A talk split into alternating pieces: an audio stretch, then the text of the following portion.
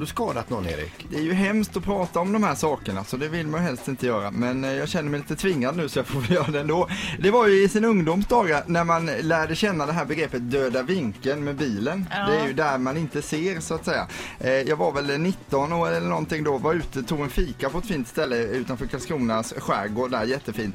Ser en tant komma bakom bilen, går djävulskt sakta, jag ser henne i, bakgrunden, eh, i backspegeln, och går så otroligt sakta den här tanten. Jag sitter ändå och väntar, räkna från 10, 9, 8, hon har passerat. Jag backar ut med bilen. Punk säger det då. Backa på tanten. Så hon välter tanten. Jag kör ju inte snabbt nu. Tanten var 89 eller någonting. Hade med sig, eh, ja jag sprang ut och då låg hon där. Aj, aj, aj, aj, aj! Jag dör, jag dör! Skrek hon hela tiden. Nej det tror jag inte, så farligt är det nog inte, sa jag till tanten då. Eh, Varpå hon hade med sig en gobbe också, tanten. Som var så trött på att hon alltid var så dålig så han fick panik. Han bara, jag åker hem, säger han då.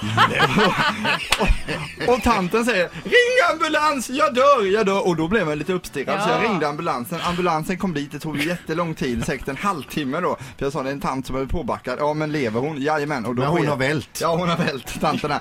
Kommer dit ambulansen då. Sen så säger ambulansmännen, eh, jaha, eh, har hon någon anhörig som kan åka med henne? Nej, han drog iväg. Så då, så då fick jag åka med tanten till akuten i ambulansen. Jo, då det fick jag. Eh, kom in på akuten, hon gjorde en undersökning, nej, inget är brutet, allt är bra med dig och så här, det är ingen fara. Jag dör, jag dör! Skrek hon fortfarande. Men sen så fick jag lämna henne på akuten där. Så du behövde inte köra hem henne? i Nej, fall? för då kom han gobben i efterhand sen för då hade han tagit en följebil. Men han var så trött på att åka ambulans för han hade tagit en- själv gjort det. Han åkte hem och tagit sig en sup och åkte till akuten. Nej, det var ju hemskt att sitta och hålla en tant i handen som man inte känner, som man har backat på där. När man är 19 år också.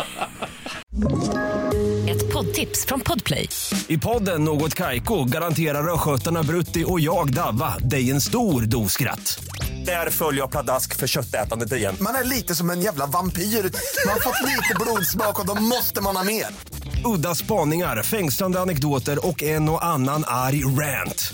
Jag måste ha mitt kaffe på morgonen för annars är jag ingen trevlig människa. Då är du ingen trevlig människa, punkt. Något Kaiko, hör du på Podplay. Därför är gardinerna.